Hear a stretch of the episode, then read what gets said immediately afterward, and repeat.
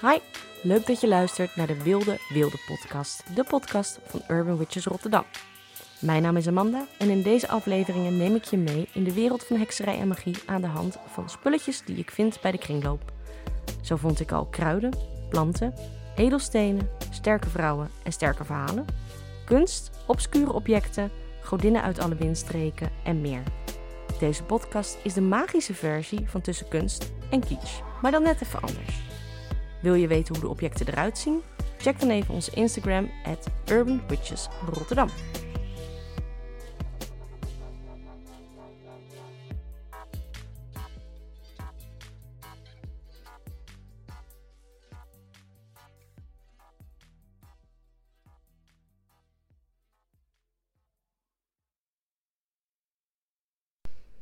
Wow, welkom terug bij de Wilde wilde podcast. Superleuk dat je luistert. Ehm, ik zat een beetje te twijfelen, hoe begin ik dit nou?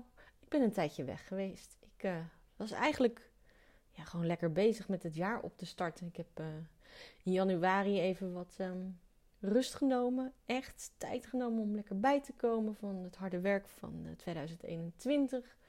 En ik ben vooral heel erg veel bezig geweest met het herijken van mijn leven. En uh, nou ja, ik had eigenlijk ook al een tijdje niet gekringloopt. En niet zoveel dingetjes in huis waarvan ik dacht, hmm, hier kan ik een toffe podcast over maken. En uh, nou ja, een paar weken geleden was ik uh, ja, gewoon met een vriendinnetje op stap naar een fantastisch leuke tentoonstelling in Utrecht. En nou ja, bij tentoonstelling bezoeken vind ik ook altijd, hoort A, lekker happies. En B, um, ja, kringlopen, antiekzaakjes kijken. Nou ja, daar hou ik heel erg van, zoals je waarschijnlijk weet. En ja, toen ben ik wat tegengekomen um, voor de podcast. Dus brace yourself. Um, we hebben een nieuwe aflevering. Maar voordat we de podcast induiken, wil ik het met jullie toch heel even hebben over die tentoonstelling waar ik naartoe ben gegaan. Als je mij persoonlijk kent, dan weet je dat ik een groot voorstander ben van kunst en cultuur. Dat is een van de grote dieptes en meerwaardes in mijn leven in ieder geval. Dus ik wilde hier wel kort wat vertellen over die um, tentoonstelling, want ik vond hem heel tof. En wellicht vind jij hem ook wel tof. Ik ben namelijk naar de Botanische Revolutie geweest. En um, ja, dat is een tentoonstelling in het Centraal Museum van Utrecht. Die loopt tot en met 1 mei 2022. Dus je hebt nog heel even om er naartoe te gaan. En wat ik heel tof vind, is dat het een aantal liefdes van mij combineert. Het gaat over, nou ja, de uh, plantjes, bloemetjes, alles wat groeit en bloeit en ontstokens weer boeit. Het gaat over kunst, het gaat over de relatie tussen natuur en mens, over mythologie, over folklore, over de tuin als ontmoetingsplek. Um, nou ja, eigenlijk van alles en nog wat. Um, maar zoals dan zeg maar dan hè, de website uh, van de Centraal Museum Utrecht uh, vertelt, is in deze tijd van klimaatcrisis staat de relatie tussen mens en natuur op scherp. Steeds meer kunstenaars richten hun pijl daarom op de tuin. Zij stellen kritische vragen over de manier waarop de natuur wordt bedwongen en uitgebuit. Zij roepen op onze relatie met de natuur radicaal anders vorm te geven. Het is tijd voor een botanische revolutie. Um, dit klinkt meteen altijd een beetje doom en gloom, maar ik vond het juist eigenlijk een vrij lichte tentoonstelling.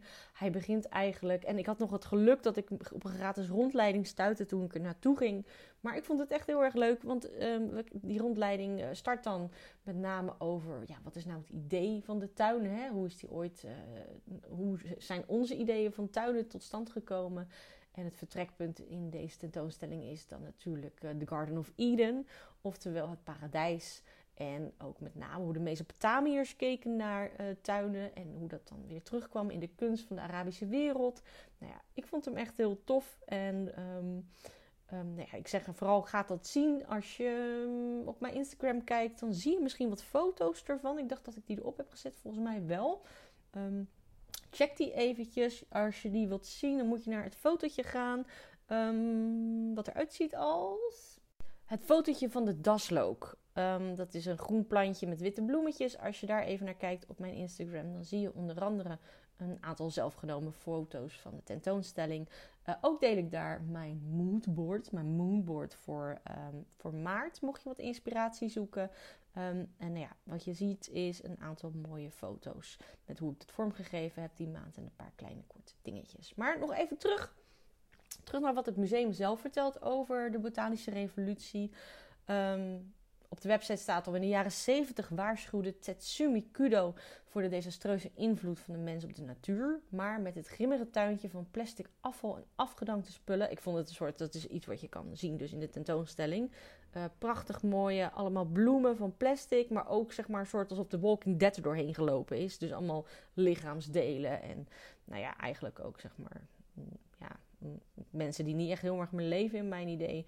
Um, je, die heeft een soort stellage ervan gemaakt. En, en daarvan is ja, een soort. Het is een grimmig tuintje geworden van plastic afval en afgedankte spullen. Eigenlijk, uh, ja. Een symbolische tuin van hoe wij met de natuur omgaan. Uh, maar goed, uh, dat is ook weer een beetje de doom and gloom variant. Um, wat er ook in de tentoonstelling te zien is, is uh, foto's van, van uh, Henk Wildschut. Die de ja, geïmproviseerde tuintjes uh, van mensen in vluchtelingenkampen gefotografeerd. En daarmee laat hij bijvoorbeeld heel erg zien welke vorm van troost hè, tuinieren en de tuin met zichzelf meebrengt. Die vond ik erg indrukwekkend. Weet je, je ziet echt dat die tuin een soort houvast is. Um, wat ik ook een van de hoogtepunten vond van de tentoonstelling waren de foto's van Elspeth Diederiks van Miracle Garden. Als je die nog, als je, weet je net als ik, bloemen en planten gek ben, dan moet je zeker Miracle Garden gaan volgen op Instagram. Ik vind het zo verschrikkelijk mooi. Het zijn van die hele donker, donkere portretten met felle kleuren. En ja, ze hebben allemaal een hele bijzondere uh, foto's uh, of uh, bloemen gefotografeerd. Toch wat heel barok aandoet. Ja, ik vond het fantastisch. De, die volgde ik toevallig al voordat ik naar de tentoonstelling toe ging. dus die vond ik echt, ja, ik vond het echt very, very, very, very nice. Um, wat ik ook een interessant aspect vond van de tentoonstelling is um, de, de plantenkennis uit Suriname.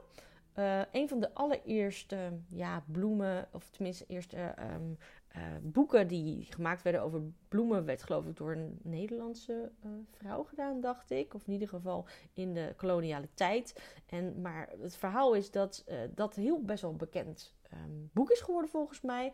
Maar dat ze die plantenkennis met name echt wel een beetje heeft toegeëigend.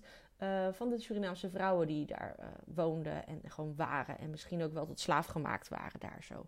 Um, en er heeft dus dan ook uh, een soort, een van de kunstenaars heeft een soort reactie erop gegeven. Dat is voor mij Patricia Kaarsenhout. En die heeft juist weer een soort eerbetoon gegeven aan de plantenkennis van die Surinaamse vrouwen.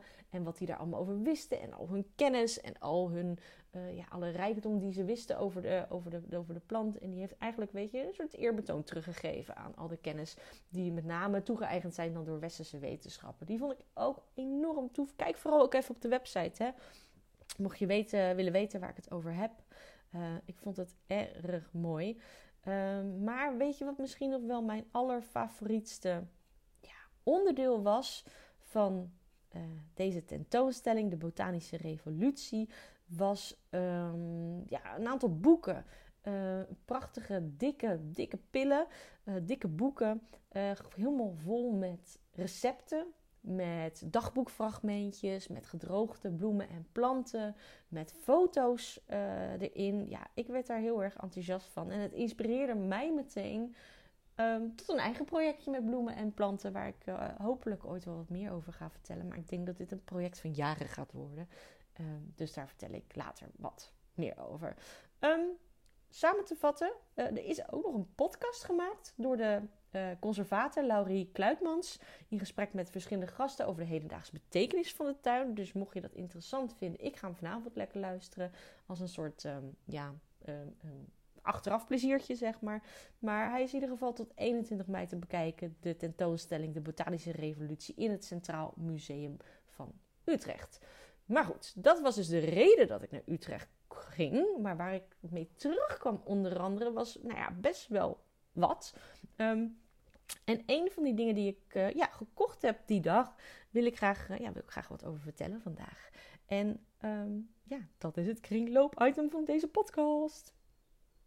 Nou, laat ik beginnen met uh, te vertellen wat ik heb gekocht. ik heb een hangertje, een bedeltje gekocht. Ehm, bij, ja, dat is dan weer zo lullig, hè. Ik weet dus gewoon niet meer hoe dat zaakje heet. Want je hebt, zeg maar, die oude gracht heel veel antiekzaakjes, heel veel kringloopzaakjes, heel veel, ja, galerietjes. En ik uh, wandel daar gewoon en dan uh, gewoon naar binnen en dan heb ik geen idee uh, ja, waar ik ben. Um, ik weet wel dat het volgens mij op de oude gracht 314 zit. Dat zag ik in mijn bankoverzicht. Maar het was ja, zo'n antiek en curiosa zaakje. Uh, niet achterlijk duur voor de verandering. Want ik vind alle antiek en tweedehands en kringloopzaken tegenwoordig zo ontzettend ja, duur. Dat er eigenlijk geen lol meer aan is om te kringlopen. Maar goed, in dit geval uh, viel het hartstikke mee. En ik kwam terug met een aantal dingen die ik daar gekocht had. Waaronder dus een bedel. Maar wat ik ook nog op de kop getikt had, waren twee kleine kerstballetjes van de Amanita muscaria. Nou, dat is dus de paddenstoel, met witte stippen. Dat ken ik wel verklappen, want ja, daar heb ik al een keer een aflevering over gemaakt. Over, de, over deze paddenstoel. Dus daar kan ik niet nog een keer een, een, een, een, aflevering over maken. Ja, misschien een verdiepende aflevering. Maar dat weet ik nog niet zeker, omdat ik dat ga doen. Dus, maar goed, uh, twee hele kleine mooie kerstballetjes. Dus van die paddenstoel. En ik had een prachtig parelmoeren schelp gekocht. Een bruine schelp. Um, misschien dat ik die nog wel even keertje laat zien. Maar het allerbelangrijkste en misschien wel het meest bijzondere wat ik toen gekocht heb, is dus die bedel. En ik was meteen heel erg, um, ja, ik, toen ik hem zag, dacht ik, ja, die is van mij. En waarom dacht ik dat? Omdat ik het, A, um, ik, misschien weet je het, maar ik ben dol op godinnen. Dus ik vond de afbeelding op het bedeltje heel bijzonder, want er staat namelijk een vrouwenfiguur op. Maar wat ik nog het meest bijzondere vond, is dat de achtergrond van het figuurtje een, um, ja, een, eh, de vleugel van een vlinder is. En ik herkende hem meteen als de morfovlinder. Um, want ik ga regelmatig naar het Natuurhistorisch Museum in Rotterdam. En dan ben ik altijd aan het kwijlen over die vlinders. Ik vind het super zielig, want ze zijn allemaal dood. Ze zijn allemaal specimen, zeg maar. Um, maar goed, die blauwe uh, ja, iridiserende blauwe vlinder vond ik zo ontzettend gaaf. En dat had ik nog nooit eerder gezien. Dus ik dacht, ja, deze is uh, ruim van mij. Um, ik heb hem gekocht voor 39 euro. En ik zal het je omschrijven. Wil je hem even zien? Ga dan naar mijn Instagram toe en dan staat daar een fotootje ervan. Um, maar je moet je voorstellen, het is een bedeltje van ongeveer, nou wat zullen we zeggen, 2,5, 3 centimeter hoog um, ovaal. En het is een soort. Um, doet een beetje denken aan een medaillon. Alleen het is geen medaillon, het is dus wel een ovaal. En het is van zilver gemaakt. En um, nou, er staat een vrouwenfiguur op in het wit. Ik denk misschien dat het been is. Dat gok ik, maar echt zeker weten doe ik het niet. En op de achterkant, de achtergrond van het, uh, van het vrouwenfiguur is dus blauw van een vlindervleugel. En daar ga ik dadelijk wat meer over vertellen. Uh, de aanhechting van het hangertje is uh, een klein bloempje. Een heel simpel bloempje. Ik denk niet dat dat uh, een specifiek bloempje is. Het zou een viooltje kunnen zijn. En dat leid ik af aan de vijf bladeren. Maar goed, zou ook net zo goed iets anders kunnen zijn. Maar dat is ongeveer in ieder geval hoe het eruit ziet. Nou, nu had ik die vrouwenfiguur natuurlijk gezien, maar ik had geen idee wie zij moest voorstellen. Um, want ja, het is wel, je ziet heel helder dat het een vrouwenfiguur is. En ze staat op een soort sokkeltje en ze heeft haar linkerhand uh, bij haar hoofd en haar andere hand in haar zij. Uh, maar ik kon niet goed zien welke attributen zij nou in haar handen had. Um, dus ik heb um, de hulp van het hulp, zo, de hulp van de interwebs gevraagd. En met name ook onder mijn volgers op Instagram. En nou ja, toen kreeg ik een aantal suggesties wie het allemaal zou kunnen zijn. Uh, de meeste dachten Afrodite, oftewel Venus, de godin van de liefde. Um, maar er kwamen ook andere suggesties, zoals, zoals Hygieia, de godin van de gezondheid. Een van de ja, drie geneeskunde godinnen, geloof ik, naast Panacea. En nou ja, nog eentje, um, een man, geloof ik maar dat weet ik even niet meer. Um, maar goed, uh, dat was het allemaal niet. En het was zo lastig om te zien wat ze nou in haar handen had. Want ja, ik had helemaal geen referentiekader. En toen kwam er opeens iemand die zei: Ik denk dat het Hebe is. De Griekse godin van de jeugd. Dus toen dacht ik, nou, die ken ik niet. Hebe. Ehm, dus die ga ik opzoeken. En uh, nou ja, uh, een paar, ja, een paar klikken op, op, op Google. En inderdaad, het bleek Hebe te zien. En opeens kon ik ook die attributen herkennen. En nou ja, zij heeft dus um, ja, een, een, kelk in haar handen en een glas. En dat is dus ja, de, de, de kelk waarmee zij ja, de godendrank schenkt. En uh, nou ja, ik ga je natuurlijk wat vertellen over de godin Hebe. Uh, Hebe was een Griekse godin. En ja, gewoon een, een, een mooie vrouw. Uh, heel jeugdig ziet ze eruit volgens de overlevering. Ze is uiteraard een dochter van Zeus en Hera. Maar ze is geen, um, geen Olympiër. Dus hè, de Olympiërs zijn de goden die daadwerkelijk echt ontzettend veel invloed kregen. Um, en um, nou ja, op een of andere reden, waarom weet ik niet precies, is dus geen Olympiër. Maar wat wel interessant is, zij is dus de hoedster van um, um, ja, eigenlijk de jeugd, het bereiken, het behouden van de jeugd. En nou ja, ze dachten dan, de Grieken dachten dan met name dat ja, zij je dat kon schenken. Zij kon jou ja, jeugd, energie en ja, ze heeft dus die kracht om jou dat te schenken. en dat deed ze dus met ambrozijn, het nectar van de goden. En die schenkt zij dus uit haar kelk en uit haar, uit haar flesje. Daarmee werd het ook, werd Hebe met name gezien als een soort hele gedienstige godin. Omdat zij wel ten dienste stond van de andere Olympiërs, dus haar broers en zussen eigenlijk. Um, en um, ja, woorden die eigenlijk heel erg aan haar gegeven worden zijn trouw, dienend, jeugd. Um, ja, toch echt wel heel erg ten dienste van iemand of iets staan. En wat ook wel typerend is, um, aan, naast dat zij dan wel gedienstig is, is dat ze dan wel heel vaak uh, zelf goed nadacht over of dat dan wel het juiste was. Um, want ze werd namelijk door andere goden heel vaak gevraagd om hun te helpen met hun problemen. Als ze zich niet vitaal of jeugdig voelden of het idee hadden dat ze hun krachten zouden verliezen. En heel vaak wilden ze daar dan niet mee helpen. En dan moesten goden heel erg hun best doen om haar te overtuigen en wel te helpen. Um, en dat ze dat eigenlijk dan alleen maar deed op het moment dat zij zelf overtuigd was of dat dan wel juist was. Um, ondanks dat ze dus niet zo hoog in de hiërarchie uh, stond van de goden, um, was zij wel gezien als iemand die heel erg belangrijk was. Omdat zij natuurlijk ja, die jeugd kon uh, gaan schenken. En dat was toch wel een van de allerkrachtigste krachten om te hebben als god of godin. Uh, en het gekke is dus dat ze toch altijd een beetje, ja, een beetje makkelijk over het hoofd wordt gezien. Want nou ja, ik zit redelijk in de Griekse mythologie, maar ik kon haar ook niet. Of ook, ja, ook geen, geen verhalen over haar. Nou, wat verder nog interessant is, um, ja, wat interessant is aan haar, vind ik, en dat was me eigenlijk niet direct opgevallen, want die Grieken, weet je, die zijn toch altijd een beetje lustig, uh, is dat zij afgebeeld staat, natuurlijk wel met die kelk en, weet je, de, de, de, de, de, de kelk en een, uh, waar ze dan de nectar mee schenkt. Maar dat ze ook vaak afgebeeld wordt met een ontbloot bovenlijf. Um, en dat um, heeft te maken met dat ze eigenlijk altijd heel erg uh, ja, netjes gekleed was. En dat ze uh, ergens op een bepaald moment uit de gratie gevallen is. Omdat ze struikelde over de eigen gewaad. Of iemand liet haar struikelen. En toen heeft ze per ongeluk haar bovenlijf ontbloot. Waardoor ze eigenlijk ja, ook gewoon weer in rang zakte als het ware. Ik zeg slutshaming at his finest. Waarom ik um, dit ook nog eens heel erg interessant vond om dit moment te vertellen, is dat Hebe ook een natuurgodin uh, is. En dat zij met name verantwoordelijk is voor de opbloeiende natuur in de lente.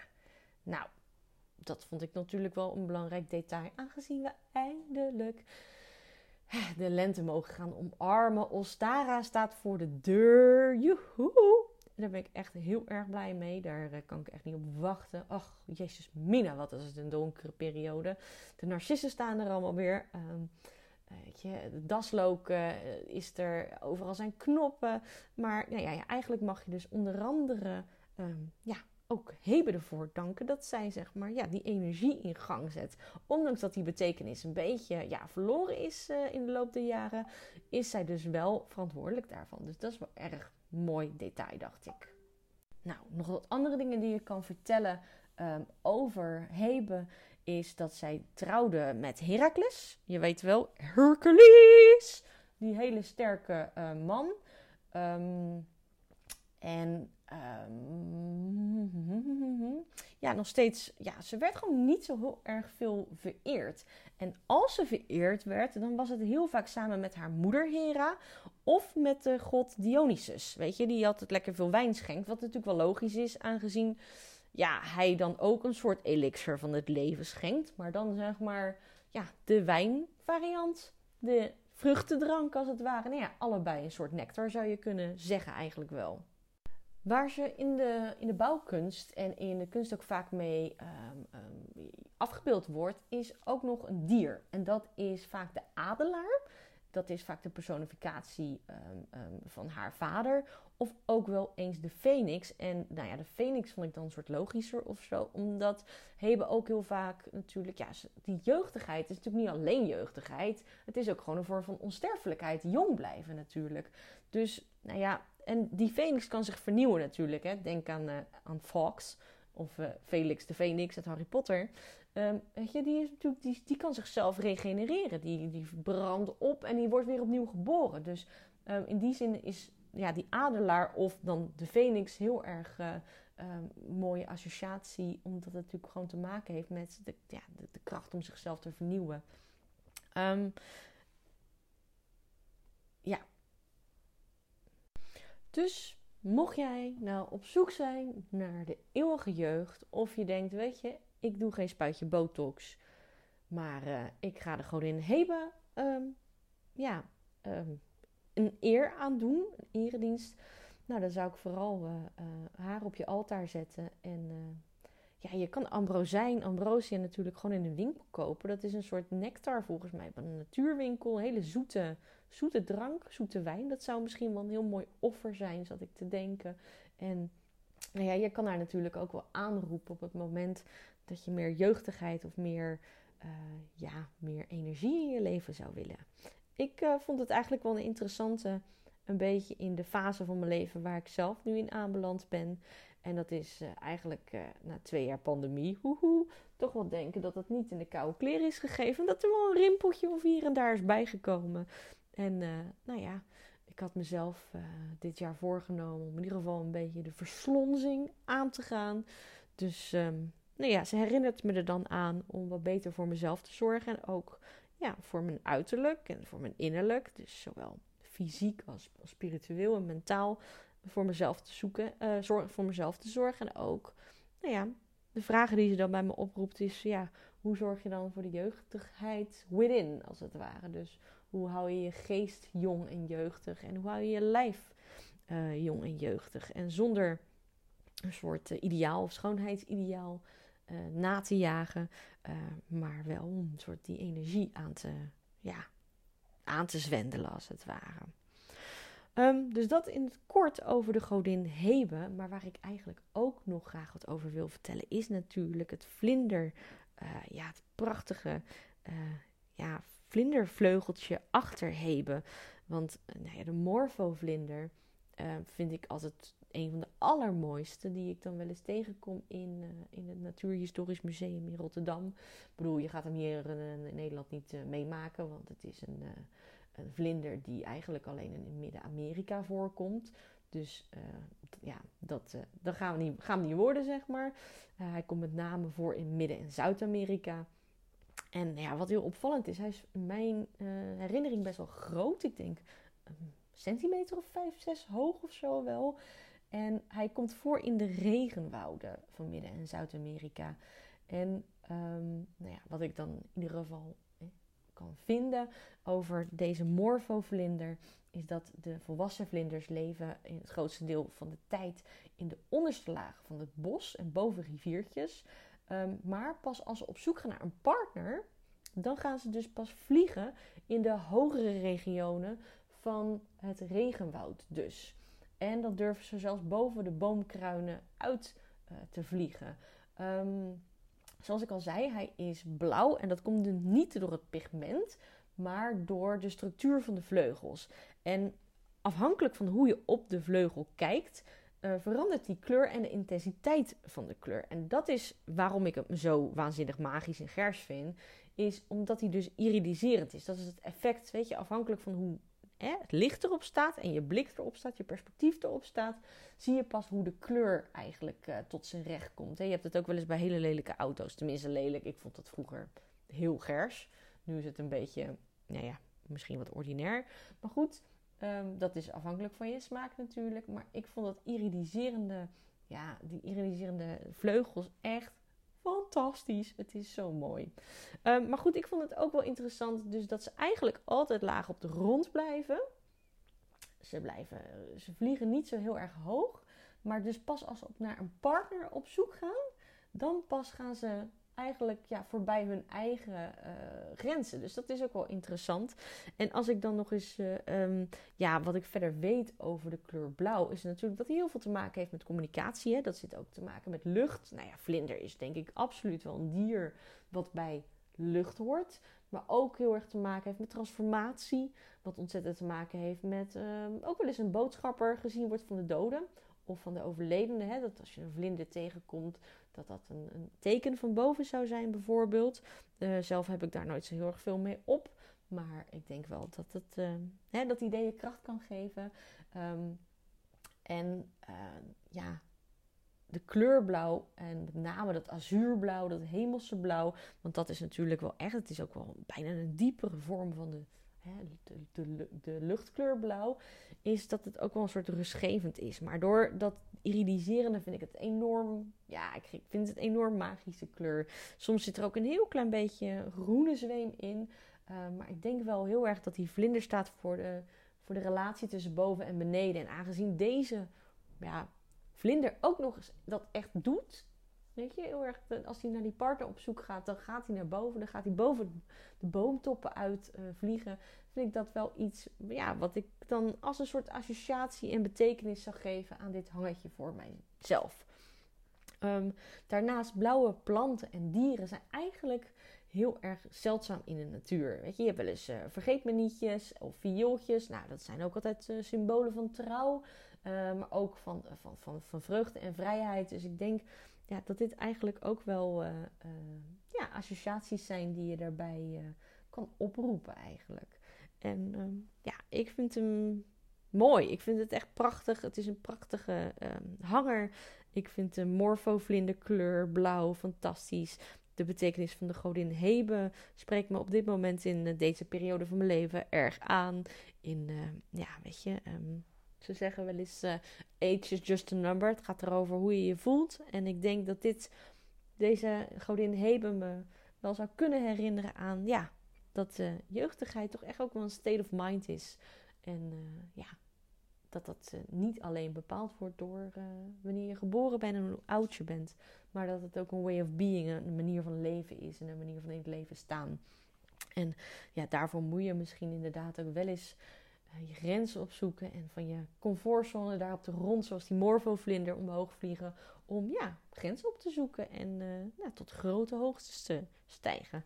Althans, dat zou de symbolische waarde zijn die ik, uh, ik zou geven aan deze hanger. Um, en zeker als ik het betrek op hekserij. En zoals jullie misschien weten, um, ja, godinnen hebben een belangrijke, uh, uh, zijn belangrijk voor in, mijn spiritualiteit en heksen, uh, in hekserij, omdat het voor mij een archetype is, een personificatie van eigenschappen of een doel of van een intentie of van hetgene waar ik me toe aan het verhouden ben. Dus ik zal deze, ha ja, deze hanger dus met name dragen op het moment dat ik herinnerd moet worden aan mijn eigen jeugdigheid, mijn eigen state of mind als het gaat over grenzen verleggen en als een, nou ja, weet je bijvoorbeeld kinderen, uh, weet je als kind zijn dan ben je gewoon niet zo bang.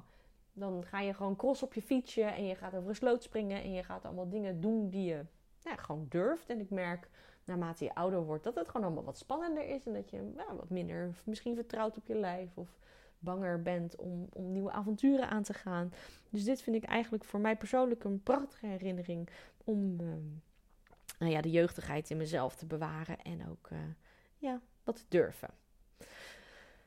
Nou, ik uh, heb alweer uh, het half uur volgekletst. Uh, ik wil je bedanken voor het luisteren naar de podcast. Um, ja, Ik wens je een super fijne Ostara-periode toe.